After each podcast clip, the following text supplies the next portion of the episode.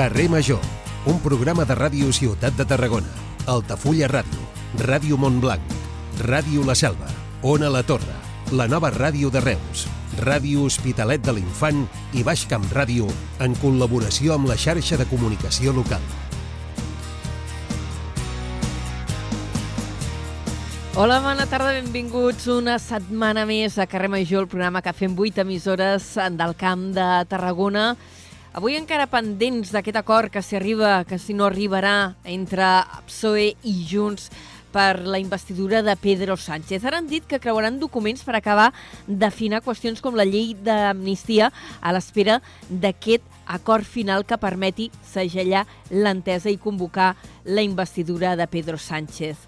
Però mentre uns s'afinen detalls i parlen d'amnistia, trobem moviments polítics i judicials. D'una banda, el líder del PP, eh, Alberto Núñez Feijó, ha anunciat concentracions simultànies contra l'amnistia a totes les capitals de província aquest cap de setmana vinent, el 12 de novembre. A més, Vox ha anunciat una querella contra Sánchez per subor quan presenti aquesta llei d'amnistia. Això són els moviments polítics, però és que també en tenim de judicials. Avui, l'Audiència Nacional eh, comunicava que decideix investigar Puigdemont, Marta Rovira i 10 persones més pel tsunami democràtic. Ha fet pública una interlocutòria de 34 pàgines en què el magistrat ofereix a Puigdemont, en tractar-se d'un diputat del Parlament Europeu i abans de cursar el suplicatori corresponent, la possibilitat de compareixer voluntàriament davant de l'Audiència eh, Nacional. Per tot plegat, els fets eh, en aquest cas, eh, que estem dient que és aquesta causa que investiga l'Audiència Nacional, eh, són per uns fets que, diuen, es podrien qualificar de manera indiciària, segons el jutge, com de terrorisme. Això el moviment de l'Audiència Provincial i avui el ple del Consejo General del Poder Judicial tenia previst reunir-se de manera extraordinària també per posicionar-se sobre l'amnistia hi ha moltes veus crítiques sobre aquesta qüestió dins del Consejo General del Poder Judicial, si bé també hi ha alguns dels seus representants que diuen que aquest ple extraordinari ni tan sols s'hauria de plantejar.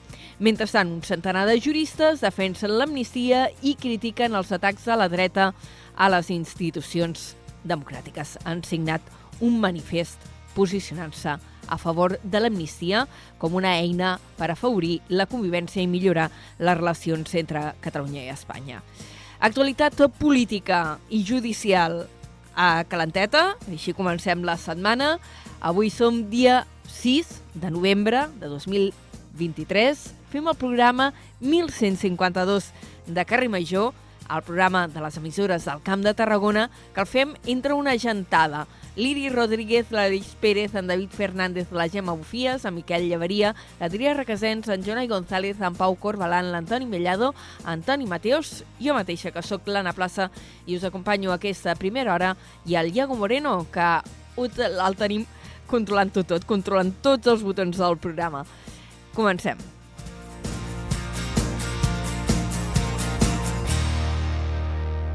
Carrer Major, Anna Plaza i Jonai González.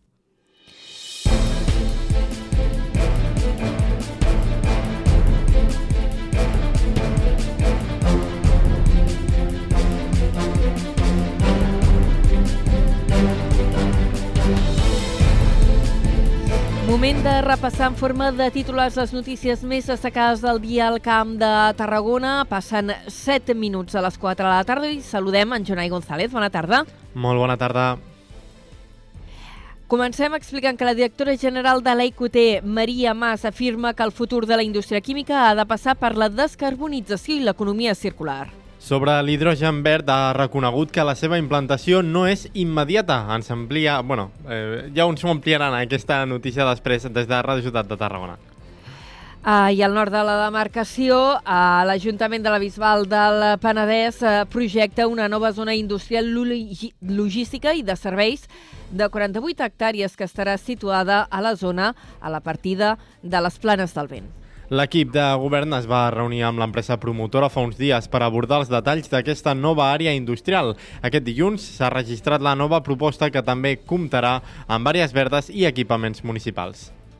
El jutjat d'instrucció número 3 de Reus ha recordat a presó provisional per a set eh, dels detinguts en- d'una organització criminal dedicada a les estafes. L'operació on es van arrestar els integrants d'aquesta banda la van desenvolupar dijous els Mossos d'Esquadra i la Guàrdia Civil de manera conjunta.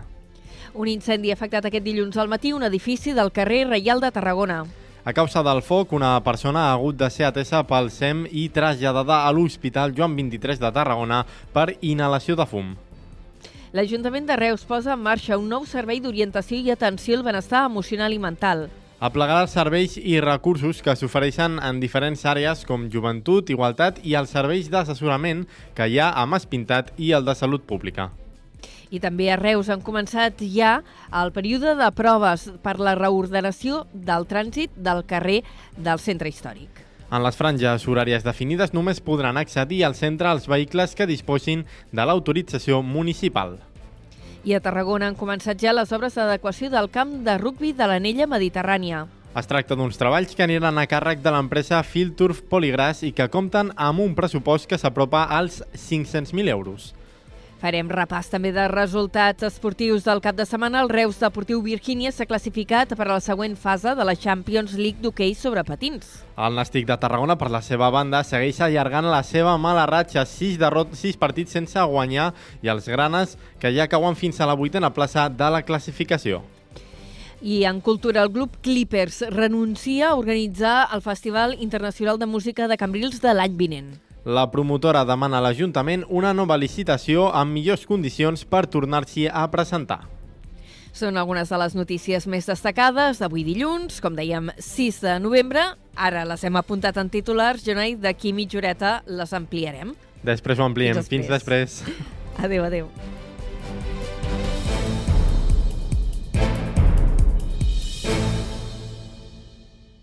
Carrer Major. Toni Mateos.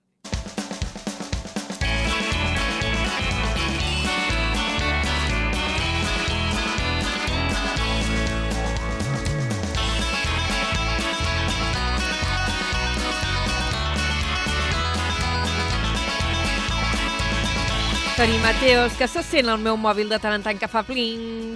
Cling, cling, Cling. Això són notícies fresques que t'arriben, No. dona. Això són whatsapps amb el, amb el següent convidat. Saps qui tindrem avui? Eh, sí, sí, sí. Eh, un històric de... de la política de Reus. mira. Sí, sí, Sí? Un històric regidor de Reus, el senyor Daniel Pi, no?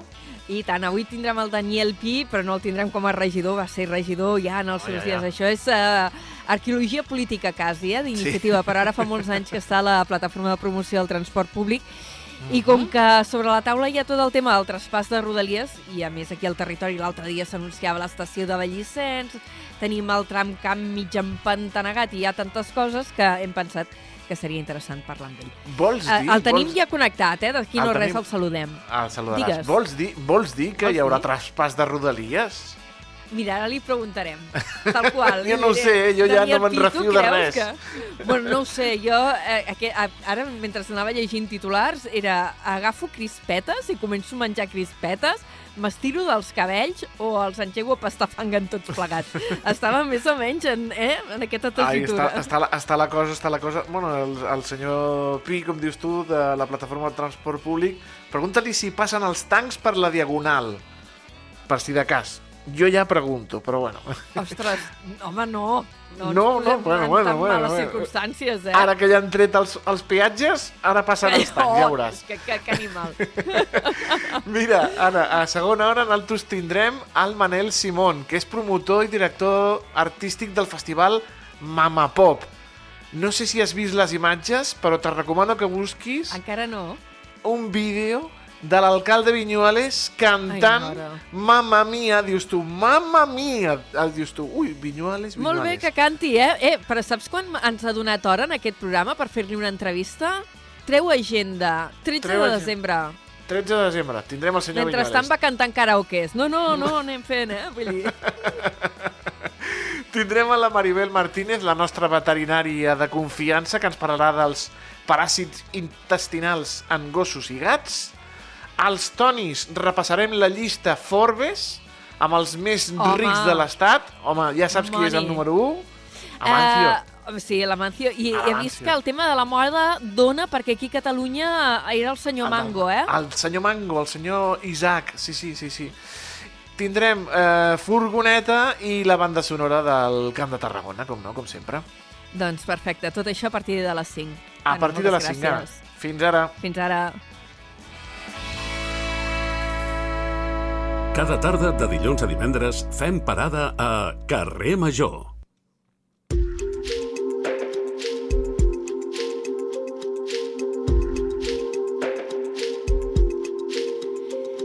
Dos minuts i serà un quart de quatre de la... Quart de quatre, què dic? Un quart de quatre. Serà un quart de cinc de la tarda.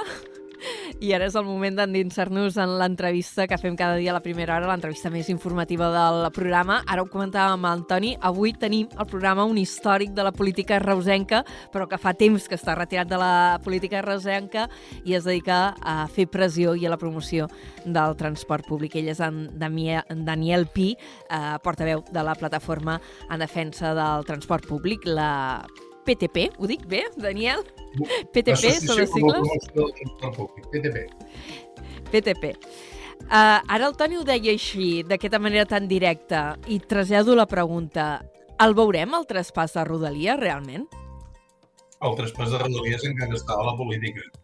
Eh, ha d'haver-hi govern, ha d'haver-hi investidura, i hauria d'haver-hi una legislativa prou llarga com perquè aquests acords els puguin desenvolupar. Tant, de moment, encara estem en una nebulosa. Fa uns dies, la, quan es va fer públic que hi havia aquest acord entre Esquerra i el PSOE per fer efectiu el traspàs de Rodalies, eh, cito dos, do, dos declaracions, eh, separades per quatre mesos en el temps, o cinc. D'una banda, la consellera de Territori, Esther Capella, mm, defensant aquest traspàs de Rodalies, tot just ara fa uns dies, i deia no és un regal enverinat, decidirem sobre les inversions. Això és ara, però és que no fa tant, el 8 de juny, la ministra de Transport Raquel Sánchez diu encara no entenc què vol dir el traspàs integral de Rodalies. Com ho hem d'interpretar, tot això? Què ha passat en aquest temps? És allò de la necessitat El- fa la força? El, el servei de Rodalies i de regionals, no ens en oblidem dels regionals, que són els que nosaltres ens fan servei aquí baix, eh, ja hi són- arribarem, ja. perquè es fem, estem fent servir vies que també serveixen per transportar mercaderies i també passen trens que no tenen destinació estrictament dins de Catalunya. I, per tant, a més estem parlant d'un servei molt complex, 2.000 persones, 200 trens, vull dir, això no, no s'improvisa i no es fa un canvi d'avui per demà. Per tant, eh, si, si hem de destacar una cosa positiva, és que aquí ens havíem quedat amb una foto fixa de l'any 2010 2009 i 2010, quan es va fer el primer traspàs parcial del servei, i a- partir d'allà només van haver-hi incompliments. Uns no van complir una cosa, els altres no van complir l'altra, i sobretot ens havíem, estàvem molt tancats amb oh, quin desastre, que malament estem, però bueno, no hi posàvem fil a l'agulla. A partir d'aquí, el fet que ens moguem i anem cap a, sembla que anem a un sistema diferent, pot ser bo. A l'acord, pel que coneixem, pels cinc folis que sobre la matèria ferroviària s'han fet públics, té aspectes positius, sense cap mena de dubte, i té aspectes que, francament, ens preocupen que, per tant, doncs, és bo que es vagin aclarint en el futur. Quin seria? Vinga, anem a, a detallar una miqueta aquests aspectes positius que hi veieu des de la plataforma per la promoció del transport públic. Quins serien? Uh, a a part del que ja he dit, el tema de que movem fitxa i sortim d'una cosa que ja era molt pesadet. Ah, és que no tenim competències. I era, era bastant pesadet, no? Sempre el mateix. Bé, ara no. Ara, per lo que fa a la referència a qui operarà uh, els trens, l'operador eh, és el que fa córrer els trens. Ara l'operador és Renfe. Bé, en el futur aquí eh, s'acorda que es crea una societat amb participació de les dues administracions i amb una majoria de la Generalitat, que no obstant no podrà imposar absolutament qualsevol cosa, però que en tot cas no només tindrà veu i vot, sinó que tindrà una, anomenarà el president i tindrà una petita majoria dins d'aquesta societat. A nosaltres això ens agrada. Ens agrada perquè considerem de que és una fórmula de cogovernança que, com que obligarà a tothom a corresponsabilitzar-se, a tothom haurà, ja no podrà dir això és culpa de l'altre, doncs és possible de que aquí puguem avançar. Dit d'alguna manera, quan la consellera fa uns mesos es queixava dient que això era un desastre, ahir em feia una certa gràcia sentir-la dient que havíem de tenir paciència perquè això no s'arreglarà d'avui per demà. I tant que no. Però en tot cas, posem fil a l'agulla perquè es vagi arreglant. Eh, clar, ara estàvem parlant de l'operativa dels trens, no? Eh, abans, eh, bueno, fins ara eren trens de Renfe, doncs ara hi haurà aquesta participació compartida entre Generalitat i Estat, per tant, Renfe... Uh... Perdona, eh? seran els mateixos trens. Ningú no té 200 trens per treure's de la màniga i, Allò, i portar-los a, a mar de màgia. Demà, eh? per, de moment però... seran els mateixos trens i posteriorment se n'hi han incorporat altres vehicles. Com va passar quan es va fer el traspàs de ferrocarrils, per altra banda? Que els primers uh... eren els mateixos trens que abans. Però és que, clar, és que el tema no està en tant en si el problema són els trens o el problema és la infraestructura, el problema són les vies i les catenàries i els sistemes d'electrificació que cada dos per tres peten. Això també està contemplat dintre d'aquest acord de traspàs? Aquí, aquí és una mica on a nosaltres ens comencen a preocupar coses. La primera cosa que nosaltres volíem llegir no ho hem pogut llegir és de que es garantia el manteniment de les inversions. Eh, és absolutament cert de que portem molts anys de retard amb les inversions, dècades, eh? però també és cert, i això és important, de que en aquest moment portem un ritme inversor en els últims quatre anys molt bo. I la previsió és de que això continuï, era de que això continués. Llavors, a partir d'aquí, això, mm, això d'entrada, quan es fan aquest tipus d'inversions, curiosament el que rep és, és l'usuari. És a dir, en aquests moments tenim moltes incidències que són conseqüència de que una via la tenim tallada perquè s'està posant la via doble, doncs perquè en un altre lloc s'està fent un desdoblament o perquè en un lloc s'està fent un soterrament d'exemples d'aquests en podem posar molt. Els problemes de la R3 i de la R4 venen donats en aquests moments per obres en marxa i, i aquestes obres s'havien de fer que potser no calia fer-les totes de cop. Però, en tot cas, aquesta seria la primera bueno, És que potser anàvem tants anys tard, no?, que, que, és allò d'ara córrer. Sí, sí, sí. Això és una mica el que passa quan tens una màquina a casa teva, que fa molts anys que no la toques i t'acostes amb un tornavís i es desmunta tot. Això és una mica el que passa ara amb, amb, amb la xarxa. No? Per tant, la xarxa, com que té aquest dèficit, doncs el que ens trobem en aquests moments és de que mm, preneixen de moltes incidències i a sobre hem d'anar tocant coses per tal de posar-la al dia i quan toquem coses vol dir que hem de tallar vies o que s'han de tallar es, es generen moltes incidències. Bona part de les incidències venen determinades per aquí. Clar, si ara estem parlant de que una part, una part eh, d'aquestes infraestructures, d'aquestes vies, perquè ens entenguem, passen a una titularitat diferent, és allò de dir, bueno, i les inversions que estaven previstes les tenim assegurades? No ho sabem, deixem la, la pregunta plantejada. I la segona preocupació en matèria aquesta d'infraestructures és de que dos titulars d'infraestructures sobre una xarxa a la qual tot sovint els trens passen d'una via a l'altra, si no es fa molt ben fet, pot ser molt i molt i molt complicat. Diguem un exemple. Un tren que surt de Ribarroja o que surt de Tortosa i que puja cap al nord anirà fins a Sant Vicenç de Calders per la via titularitat d'Adif i de Sant Vicenç de Calders en amunt, si és que es compleixen les previsions d'aquests cinc folis, anirà per una via que serà titularitat de la Generalitat de Catalunya, del seu, del seu ADIF, i Fercat, el que sí, sigui. I, i Fercat, sí, sí, ho he vist. En principi, en principi sembla que això no hauria de tenir massa importància. Però, clar, els trens no van de qualsevol, van amb uns solcs, amb unes atribucions horàries, que els hi dona precisament el titular de la infraestructura per dir-ho d'alguna manera, no serà així, és informàtic, però quan el tren arribi a Sant Vicenç de Calders, com que surt de la infraestructura de DIF, haurà de demanar permís informàticament perquè el deixin passar perquè el titular és un altre. Home, això eh, pot ser molt de liu. Imaginem-se un dia, per exemple, de que perquè ja no sé quin problema, eh, un tren que anava via Vilafranca l'has de desviar a Vilanova. Doncs aquell dia hauràs de demanar permís de, escolta, corre, dona'm un sol, nosaltres hauríem preferit, amb el tema d'infraestructures, tant per no embolicar la troca com per assegurar la, el que és les inversions, hauríem preferit un règim de cogovernança eh? i posteriorment que anés guanyant cada vegada més de pes la Generalitat. És clar que sí, com més a prop el centre de decisió, millor. Però mm, aquest sistema de, de duplicitat, de debò que és susceptible de crear molts problemes a la pràctica. De fet, Expliquem. bona part, eh, eh, bona part dels Permet... problemes... Sí, Perdó. No, no, per, per anar clarificant conceptes. Clar, aquesta duplicitat es produirà, per, per anar-ho acotant, eh? perquè l'acord de traspàs de Rodalies de moment només inclou per ara les línies R1, que és la que va cap al Mar Maresme, R2 Sud, que és la que va de Barcelona fins a Sant Vicenç de Calders, i la R3, que tira cap a l'interior, Vic i cap amunt a Puigcerdà. Això vol dir que aquestes serien les vies que, pel que explicava ara, passarien a ser titular de, titularitat de la Generalitat, les altres, i per tant les que ens competen a nosaltres aquí al Camp de Tarragona, això continuaria en mans de DIF. O sigui que sí, aquí veurem sí. algun canvi? Sobre la titularitat, en, en principi no. El que passa és de que el que se suposa, pel que han anat aclarint aquests dies és de que hi haurà un intercanvi d'informació entre els dos operadors i una coordinació.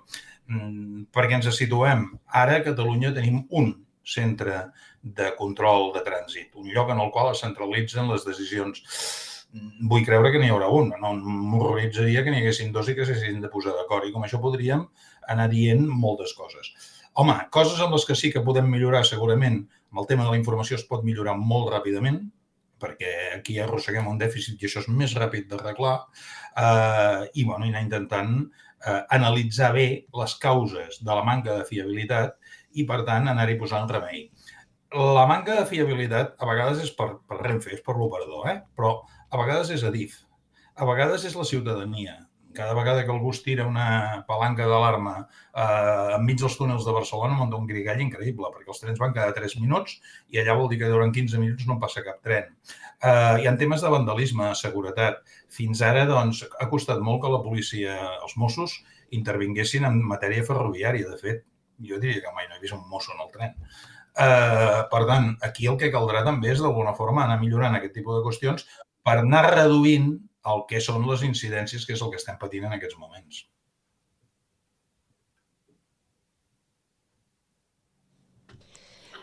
Daniel, eh, t'animava aquesta situació així de traspàs una miqueta mig... No, jo m'he quedat una mica amb la sensació, i, i ho trasllado en forma de pregunta, de si no serà una altra vegada un traspàs a mitges.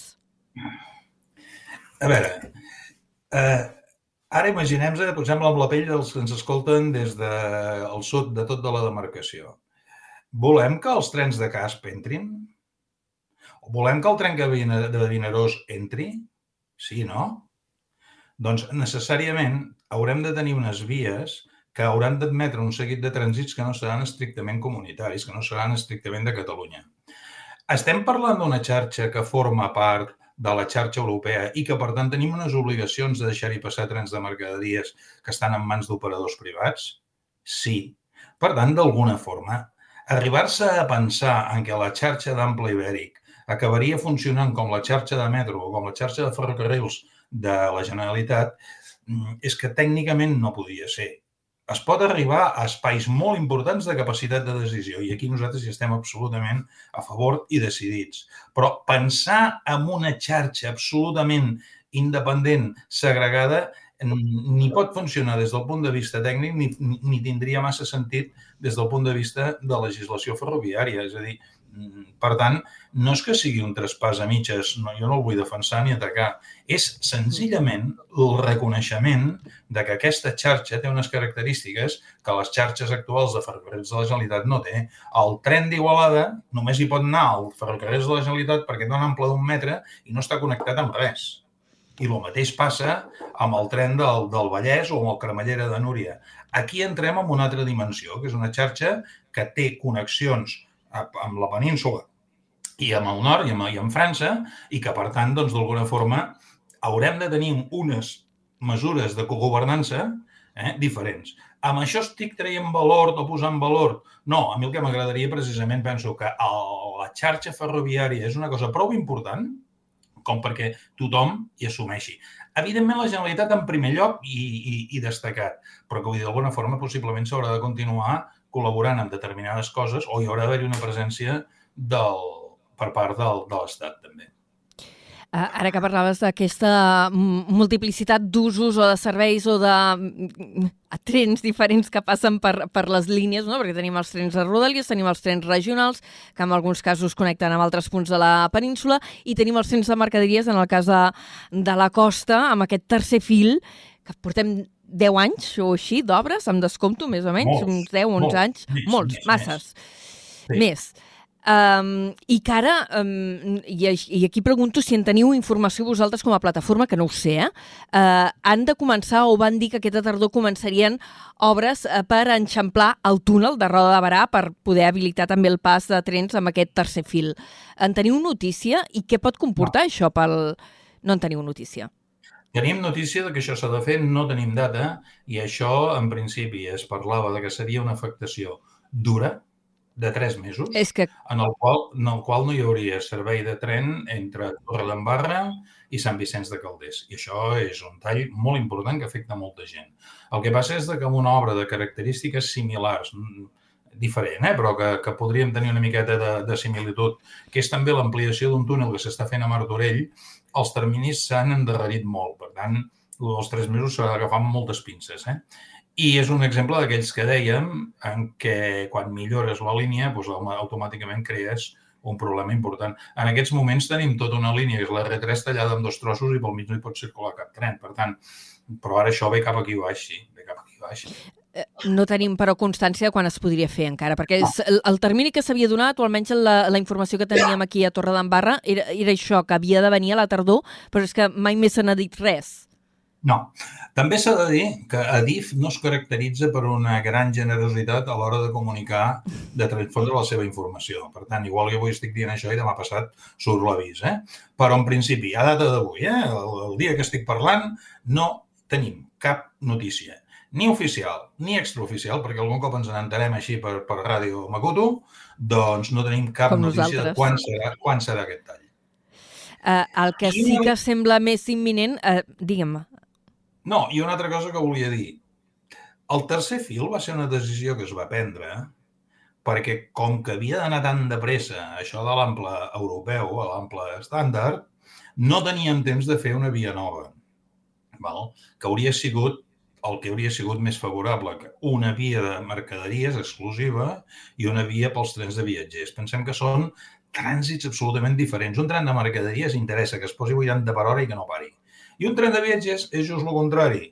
Para en un poble, accelera, es posa a 140, algun tram a 160, torna a parar. Per tant, fer circular aquests trens tan diferents per la mateixa via és una font, com a mínim és una, limit, una limitació tècnica important i a vegades una font de problemes. Bé, quina pena, no? Ho vam fer perquè no tindríem temps i ara resulta que portem més de 10 anys eh, i encara no hem fet realitat. Doncs potser hauria valgut la pena que amb tot el que és aquest tram, que ja està prou congestionat, a partir de Vilaseca, Tarragona, Sant Vicenç de Calders i tot el que és el Penedès, ens haguéssim plantejat de fer, com s'ha fet als llocs de la península, una via segregada per a mercaderies. Si ens creiem les xifres que diuen que han d'arribar a passar per mercaderies, s'acabarà fent perquè farà falta, doncs ens hauríem pogut estalviar els problemes que tindrem ara pel tercer carril.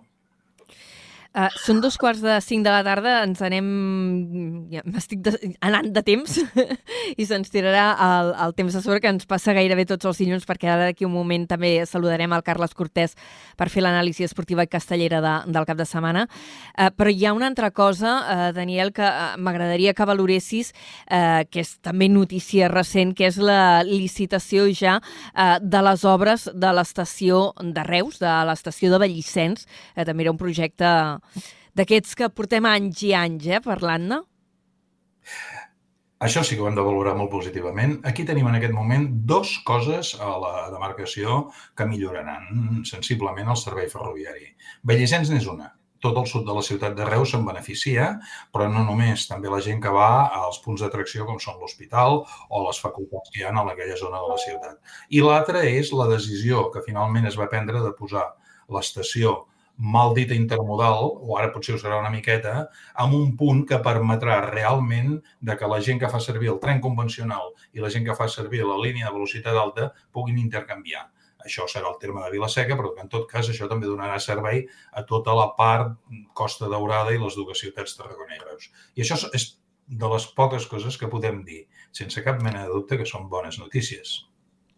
Amb aquesta estació intermodal de la qual encara potser queda una miqueta més en l'aire, la entre Vilaseca i Reus, us va agradar no? aquest canvi d'ubicació, perquè al principi havia d'anar al sud de l'aeroport de Reus, llavors es va desplaçar més cap al terme de Vilaseca perquè quedés a la confluència de, de les dues línies, del corredor i de la línia de tren convencional? Hi ha una cosa, hi ha una cosa que no s'ha de fer mai, que és dir, jo ja ho deia, bueno, doncs no ho direm, però era la nostra petició era la nostra petició històrica des que se situés allà. I aquí encara hi podrem afegir, no entro el tema, eh, que no em puc allargar, ja m'ho he dit, però de que això em permetrà una excel·lent connexió amb el tramcamp, cosa que farà de que la connexió del convencional i de l'altre, i de la velocitat alta amb la Costa Daurada, amb Salou, amb Cambrils, amb PortAventura, millorarà molt respecte a la situació actual del trencamp ja no n'hem parlat, no tenim temps de parlar-ne fet avui, però l'emplaço un altre dia i ja parlarem d'aquí unes quantes setmanes, allò per no fer-ho pesat, eh? parlar de trens cada dia tampoc cal. bueno, sí, perquè m'agrada, però no caldria, tampoc. No, uh, no cal. I, torna, I tornarem a xerrar i parlarem de trencamp i altres qüestions. Molt bé. Moltes gràcies. Fins ara, adéu-siau, bona tarda. Adéu-siau, bona tarda. Carrer Major, a la teva ràdio de proximitat.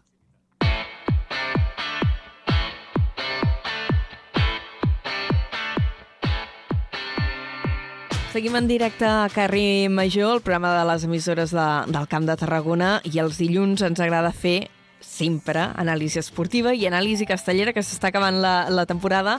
Ho fem amb el company Carles Cortés, que és el responsable del programa Finet i pel mig, d'Atac 12, Castells, i també el programa Com ho veus, de Ràdio Ciutat de Tarragona, en què analitzen l'actualitat nastiquera.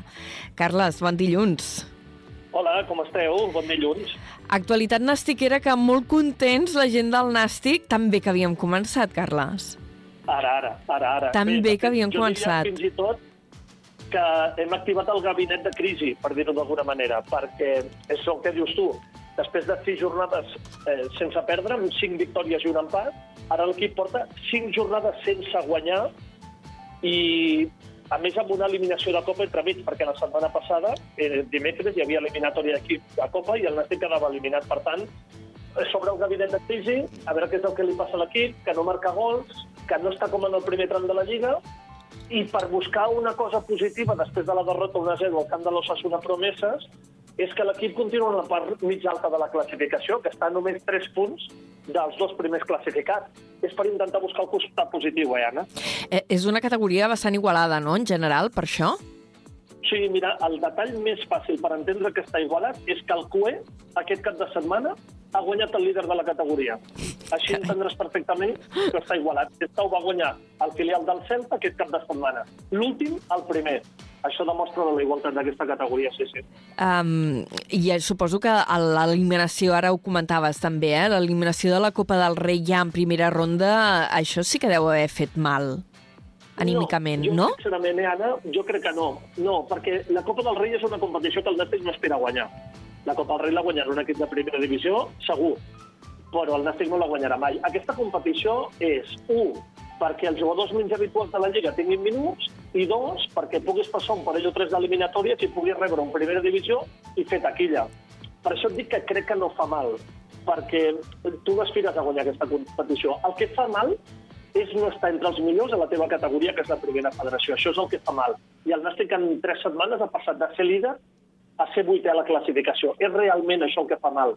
De fet, fins i tot la temporada passada la Copa va desviar tant l'atenció que enmig d'eliminatòries de Copa es va destituir a l'entrenador pels mals resultats de la Lliga. Per tant, el Nàstic, la seva afició i tothom ha de tenir clar que l'important és a la Lliga i que això de la Copa és un premi per si et pot tocar en primera divisió. Um, I has dit, s'ha d'activar o es pot activar el gabinet de crisi. Ho deies en sentit figurat o és que hi ha moviments eh, reals? No, no, sentit figurat, en el sentit que ara ja et pots començar a preocupar. Si tu perds un partit de Lliga, o perds dos partits de Lliga seguit, o estàs tres jornades sense poder guanyar perquè has empatat dos partits i n'has perdut un, ah, no passa relativament res. Però és que el Nàstic ara han quedat cinc partits sense guanyar. Insisteixo, eliminatòria de Copa Banda. Per tant, home, sí, ara potser has d'engegar una mica el botó d'alarma i dir, a veure, què estàs fent malament, què s'ha de corregir i cap a on s'ha d'anar. Això sí que és important. Tu has vist alguna cosa diferent, algun canvi de dinàmica que et grinyoli? No, però hi ha una diferència principal, que és el que tu a les primeres jornades de Lliga aconseguies marcar, si tenies dos, tres ocasions de gol, feies un gol, ara no ho fas. I, en canvi, el rival, que potser tenia dues o tres ocasions de gol, abans no te'l feia i ara sí que te'l fa. La diferència està aquí. Per tant, és ajustar defensivament, no encaixar gols, ahir va tornar a encaixar un gol, i sobretot que si tens alguna ocasió, encara que només sigui una, has de marcar. Aquest és el canvi més important. El que passa és que en dinàmiques negatives això s'accentua. I et poses nerviós i penses que ja no remuntaràs i que si t'arriben una vegada no podràs marcar. Mm, el, el tema és més mental segurament que futbolístic perquè futbolísticament l'equip tampoc no ha canviat tant. Escolta, Carles, fem una mica de repàs telegràfic de, dels altres resultats de futbol de, del nostre territori? Ràpidament, mira, tercera divisió, la bona notícia, el Reus, que va guanyar 1-0 al Castelldefels. Les males notícies, la Pobla de Mafumet, que va perdre 2-0 al camp del Vilafranca, i la Rapitenca, que va tornar a perdre 0-2 a casa amb l'Hospitalet. Reus quart, zona de promoció d'ascens, setè la Pobla, mitja taula alta, a propet de la zona d'honor, i la Rapitenca última amb 4 punts. I atenció aquest dimecres, perquè hi ha derbi. Juguen en dimecres un partit que s'hauria d'haver jugat en el seu dia, però com estaven ressembrant la gespa de l'estadi municipal de Reus, no van poder jugar. Reus Pobla, dimecres a les 8 del vespre, un partit molt xulo de poder anar a veure. Uh, dius ara els Reus de, de futbol que, que han guanyat, no els hi va malament la cosa. Els que estan contents també són els de els Reus d'hoquei i també el Calafell. Correcte, molt important. Anna, això és molt important el que direm ara. Aquest cap de setmana hem aparcat l'Hockey Lliga i hem jugat la Champions League, tant el Reus com el Calafell i els dos equips s'han classificat per la següent fase, la fase de grups de la Lliga de Campions, de la màxima competició europea de l'hoquei patins. Han jugat al mateix grup, el Reus i el Calafell, perquè era una segona fase amb quatre equips, i a Calafell van jugar Reus-Calafell, Sarzana d'Itàlia i la Vendent de França. Passaven els dos millors, i van passar el Reus i el Calafell. Van guanyar els dos equips, tant el Reus com el Calafell, els italians i els francesos, i entre ells van empatar.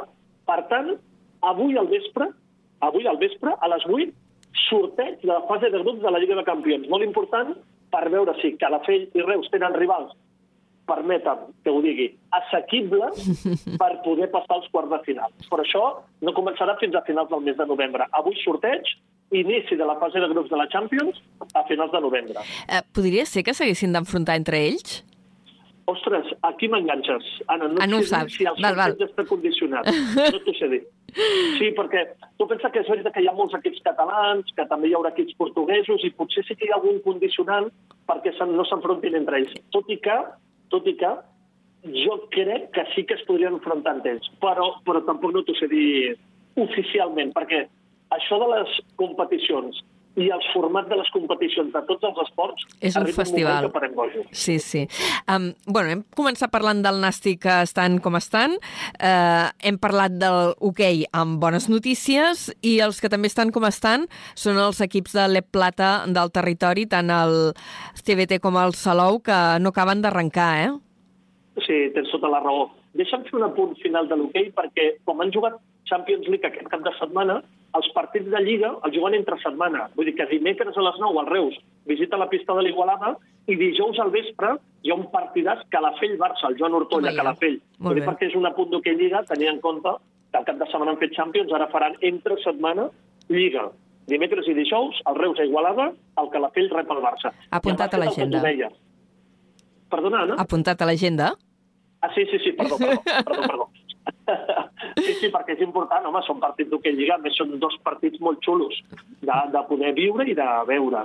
Molt bé. I en això que deies del bàsquet tens tota la raó, perquè els dos equips han perdut aquest cap de setmana. Especialment crítica la situació del Club Bàsquet Tarragona. Sis jornades, cap victòria, sis derrotes. Cué de la classificació amb diferència. El Salou està una mica més còmode, ha guanyat tres partits i n'ha perdut tres però especialment crítica aquesta situació del Club Bàsquet Tarragona. Ah, I allí sí que han activat gabinet de crisi ja o en quina fase estan? Tu, quan portes sis eh, derrotes, segur que s'activa el gabinet de crisi. Eh, els gabinets de crisi poden servir per moltes coses, per tocar l'atenció, per fer canvis d'entrenadors, per tocar el crostó a la plantilla, per buscar reforços... Eh, eh, pot haver-hi diferents qüestions eh, en això dels gabinets de crisi, però crec que sí que s'ha d'activar sis jornades cap victòria, és per començar-se a posar una mica nerviós. Sé que les lligues són llargues, però tu quan arrossegues ja aquestes dinàmiques negatives, després costa moltíssim aixecar-les. Mm -hmm. Carles, eh, ens queda ja una miqueta lluny, perquè va ser el dia de Tots Sants, el dia 1 va ser mitjans de la setmana passada, però com que encara no havíem parlat, jo crec que toca fer menció de la Diada Castellera de Vilafranca. Sí, deixa'm fer dos apunts. Com De- he encara, d'esports. notícies d'esports. Ah. Deixa'm fer dos apunts perquè són bons, eh, Anna, bàsicament. Ah, digues, Que, digues. que, que en bàsquet a la Lliga EVA el Valls va guanyar i continua la part alta de la classificació, està co-líder, i que en vòlei també va guanyar el vòlei Sant Pere Sant Pau i també continua líder. Ho dic perquè ja que tenim dues més alegries, també així les podem comentar. Doncs aquestes dues victòries, i, i ara sí, anem als castells, perquè a més anem una mica justets de temps. Sí. Carles, però el que vau viure la setmana passada, dimecres, el dia de Tots Sants a, a Vilafranca, què, com, com, com se't va quedar el cos després d'aquell... Doncs la veritat és allò de eh, sentir-te partícip d'un dia que torna a marcar eh, la història dels castells, perquè ja ho sabem tots, els castellers de Vilafranca van assolir un castell inèdit que no s'havia provat mai en la història dels castells, el 9 de 9 en folre. La sensació a plaça és que el podien haver descarregat, però ara hauríem d'entrar en els debats castellers, de si amb una enxaneta, de tres enxanetes, perquè aquest castell es pot fer amb una enxaneta o amb tres enxanetes, ells ho van fer amb, amb una enxaneta. Que encara és més difícil, entenc, no? O no? Sí, amb, amb una enxaneta és molt més difícil, molt més, perquè ha de coronar tres ponts de dalt. Això vol dir que està molta més estona aquest castell aixecat. I, i, i és aquesta sensació de sentir-te partícip d'un dia amb molta història i que els castellers de Vilafranca el 1 de novembre han tornat a fer-ho, perquè l'any passat, l'1 de novembre, van fer el mític Pilar de Nou amb folre amarelles i puntals i ara han fet aquest 9 de 9 amb folre. Carles, avui ho haurem de deixar aquí. Uh, continuareu amb actualitat castellera o ara ja la cosa mm, va de baixa definitivament perquè queden, ho vas explicar, les diades de, de la Catalunya de la Catalunya vella, que no és zona castellera per antonomàcia, uh, però aquí que ja la cosa s'ha acabat, no? A casa nostra. Sí, ara sí. Al Tafulla va haver-hi la diada de Sant Martí, per cert, el Tafulla va tornar a carregar el 2 de 7, un altre fet històric. L'havien descarregat a Reus, el van carregar, però ara aquí, a la zona tradicional, els castells ja s'han acabat, queden castells a la zona no tradicional, a destacar la diada del 19 de novembre dels Minyons de Terrassa, on veurem si aproven el castell de Déu, i sí que donarem ja per tancada tota la temporada castellera 2020. Doncs ja també parlarem d'aquesta clausura de la temporada castellera, ho farem la setmana que ve. Carles, moltes gràcies. A vosaltres, fins la setmana vinent. Fins la setmana vinent. Adéu. Carrer Major, al Camp de Tarragona, des de ben a prop. Avui més tard que mai, perquè ens queden 12 minuts per repassar les notícies de la jornada, però ho volem fer començant per paraules de la directora gerent de l'Associació Empresarial Química de Tarragona, Maria Mas, que afirma que el futur de la indústria eh, petroquímica ha de passar per la descarbonització i l'economia circular. Jonai, bona tarda de nou. Bona tarda de nou. Sobre l'hidrogen verd ha reconegut que la seva implantació no és immediata. Ens n'amplia aquesta notícia l'Arnau Curto des de Ràdio Ciutat de Tarragona. La directora gerent de l'AIQT, Maria Mas, ha estat l'entrevistada de la setmana al programa Distàncies curtes de Ràdio Ciutat de Tarragona. Mas ha repassat diversos temes d'interès del territori i de la seva indústria química, com per exemple la sensació de seguretat i també el futur d'un sector clau a la demarcació. I el demà, segons Mas, ha de ser circular i descarbonitzat. La directora gerent de l'AIQT també ha parlat sobre la vall de l'hidrogen verd, que ha definit com un projecte de futur del territori. Mas considera que és una opció interessant, això sí, a llarga distància. Jo crec que hem fet un, un exercici ja a molt, llarg, a molt llarga distància, no? I des, d'aquest punt de vista, des d'aquest exercici a molt llarga distància, més o menys, serà progressiu, com tota la vida, no? Tot, tot és progressiu, doncs anirem veient l'hidrogen, l'hidrogen verd que anirà apareixent i serà un vector clau pel, pel, pel component del futur, no? Aquest hidrogen verd bueno, encara té un cost que està bastant per sota, per sobre, perdó, bastant per sobre del que podem pagar. Mas és l'entrevistada de la setmana en una nova edició del Distàncies Curtes amb Josep Maria Àries i Tomàs Carot, que podreu recuperar a la web de Ràdio Ciutat de Tarragona. Una xerrada I per, per- conèixer la indústria química del territori en clau de present, sí, però també especialment en clau de futur. Això a Tarragona, al nord de la demarcació, al Baix Penedès, l'Ajuntament de la Bisbal projecta una nova zona industrial, logística i de serveis que ocuparà 48 hectàrees a la zona de Planes del Vent.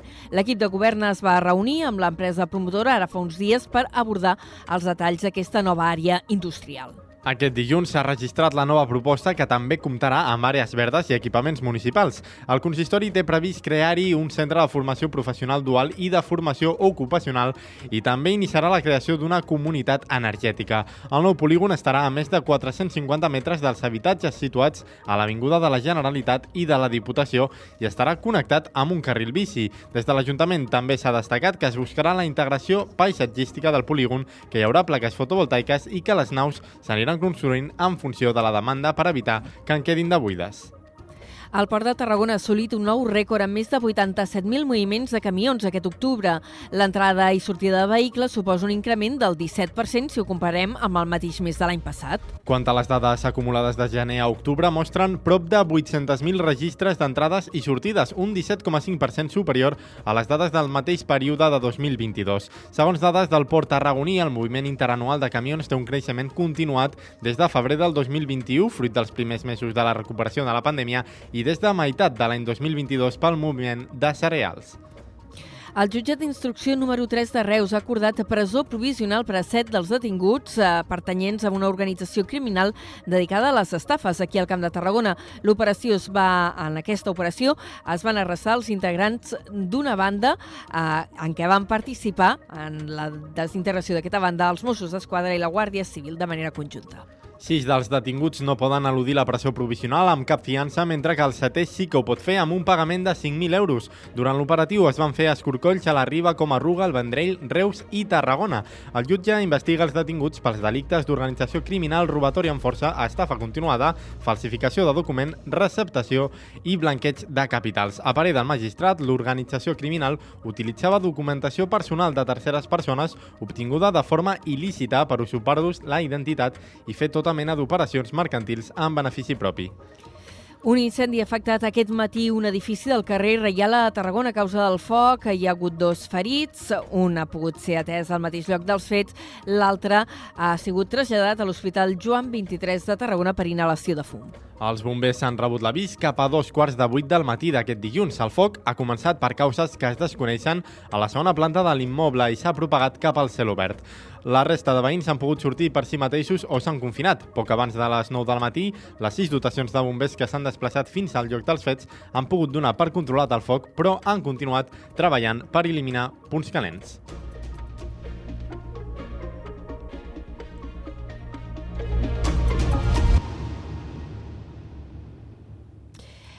Són les 4 i 50 minuts. Encetem la plana més estrictament local. Ho fem situats a Reus, on ha començat ja el període de prova per reordenar el trànsit als carrers del centre de la ciutat. Des d'avui fins al dia 31 de gener es reforçarà la presència de la Guàrdia Urbana als punts d'accés a aquest centre urbà per fer un acompanyament i informar els usuaris. En les franges horàries definides poden accedir al centre els vehicles que disposin de l'autorització municipal. Els punts d'accés a la zona regulada compten amb lector de matrícula, pilona automàtica i interfon connectat amb el centre de control per resoldre possibles incidències. La reordenació del trànsit al centre s'emmarca dins les actuacions per millorar els nivells de qualitat de l'aire, soroll i salut de la ciutadania.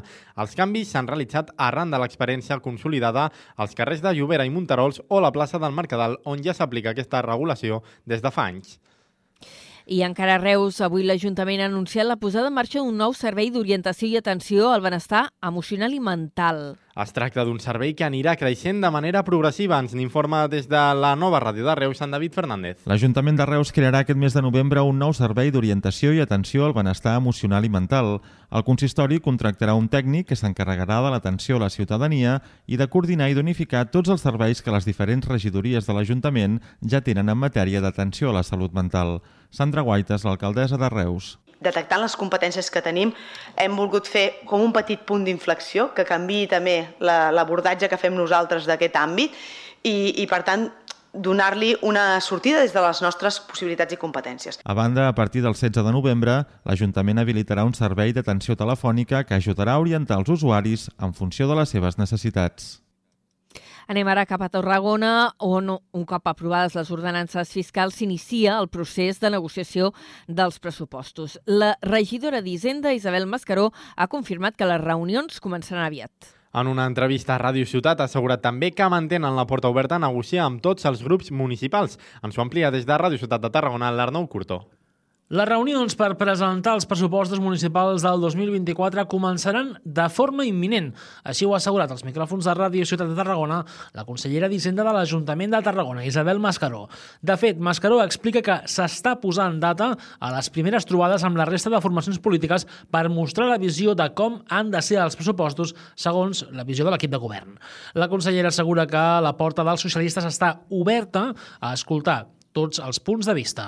Nosaltres estem, estem disposats a escoltar totes les propostes. Eh, tothom que, que, que vulgui... O sigui, els pressupostos, lògicament, és un, és un tema que és de ciutat i, lògicament, requereix acords, acords de ciutat amb la qual cosa estem porta oberta, de veritat que ho dic, eh? porta oberta a, a, a negociar amb, amb totes les, les forces que vulguin presentar-nos propostes. La consellera explica que la prioritat màxima que han de tenir els pressupostos és que les persones estiguin al centre i continua garantint també els serveis de qualitat. El dubte que queda és quan s'aprovaran aquests pressupostos, si en el plenari de novembre o en un plenari extraordinari de principis del mes que ve.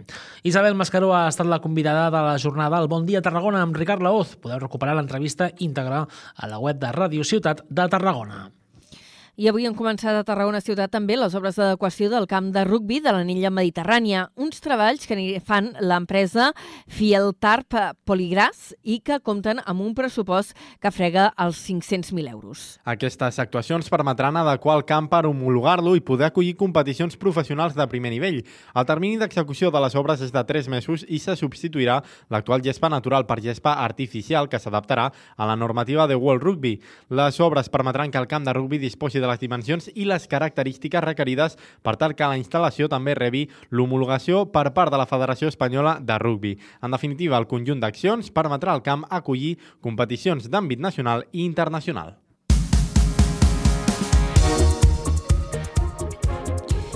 I comencem a plana esportiva, situats a Reus, on el Deportiu Virgínia s'ha classificat per la següent fase de la Champions League d'hoquei sobre patins. El conjunt reusenc ha guanyat el Sarsana italià i estarà al sorteig de la competició juntament amb el Club Patí Calafell. Ens informa des de la nova ràdio de Reus, Sant David Fernández. El Reus Deportiu fa els deures a Calafell i es classifica per la fase de grups de la Champions League d'hoquei patins masculina. L'equip reusenc va començar amb un partit exigent el divendres davant el Calafell, on un gol de Sergi Aragonès a 11 segons pel final va forçar l'empat a dos i la posterior victòria de la tanda de penals. Després d'aquest enfrontament van superar de manera còmoda el dissabte la Vendem francès per 3 a 8 i el diumenge el Sarzana italià per 7 a 3. Jordi Garcia és l'entrenador del Reus Deportiu Virgínies. Portem com a mínim 6 anys seguits, aquest és el setè, 7 anys seguits jugant la màxima competició europea. No és fàcil, amb els equips que hem tingut. Aquest any eh, ens han hagut de, hem hagut de tornar a fer una altra eliminatòria quan ja ens havíem classificat però felicitar l'equip, felicitar l'equip perquè estic molt satisfet d'ells. El ritme de partits no para i els reusencs jugaran amb l'Igualada aquest dimecres. I eh, pel que fa al Nàstic no hi ha hagut bons resultats, segueixen allargant la seva mala ratxa, els granes han encadenat ja sis partits sense guanyar i cauen fins a la vuitena plaça de la classificació. Els de Dani Vidal finalitzen una setmana negra perquè dimecres van ser eliminats de la Copa del Rei als penals per l'Oriola. Aquesta vegada a Tajonar els granes es van veure superats per un solitari gol de Neco Aguilar que fa baixar els granes de la zona de playoff. Els navarresos no van ser millors, però sí van castigar l'error tarragoní. Els granes buscaran canviar la dinàmica aquest proper diumenge 12 de novembre a les 8 del vespre davant el Sestau River. I en cultura, un apunt que ens porta a Cambrils. El grup Keepers ha renunciat a organitzar el Festival Internacional de Música de Cambrils de l'any vinent. El grup, que ha organitzat les edicions de 2022 i 2023, tenia la possibilitat d'ampliar la seva participació un any més. La promotora ha optat per demanar a l'Ajuntament una nova licitació a millors condicions per tal de tornar-s'hi a presentar. En un comunicat, la companyia ha argumentat la decisió afirmant que les elevades exigències són estàndards de qualitat.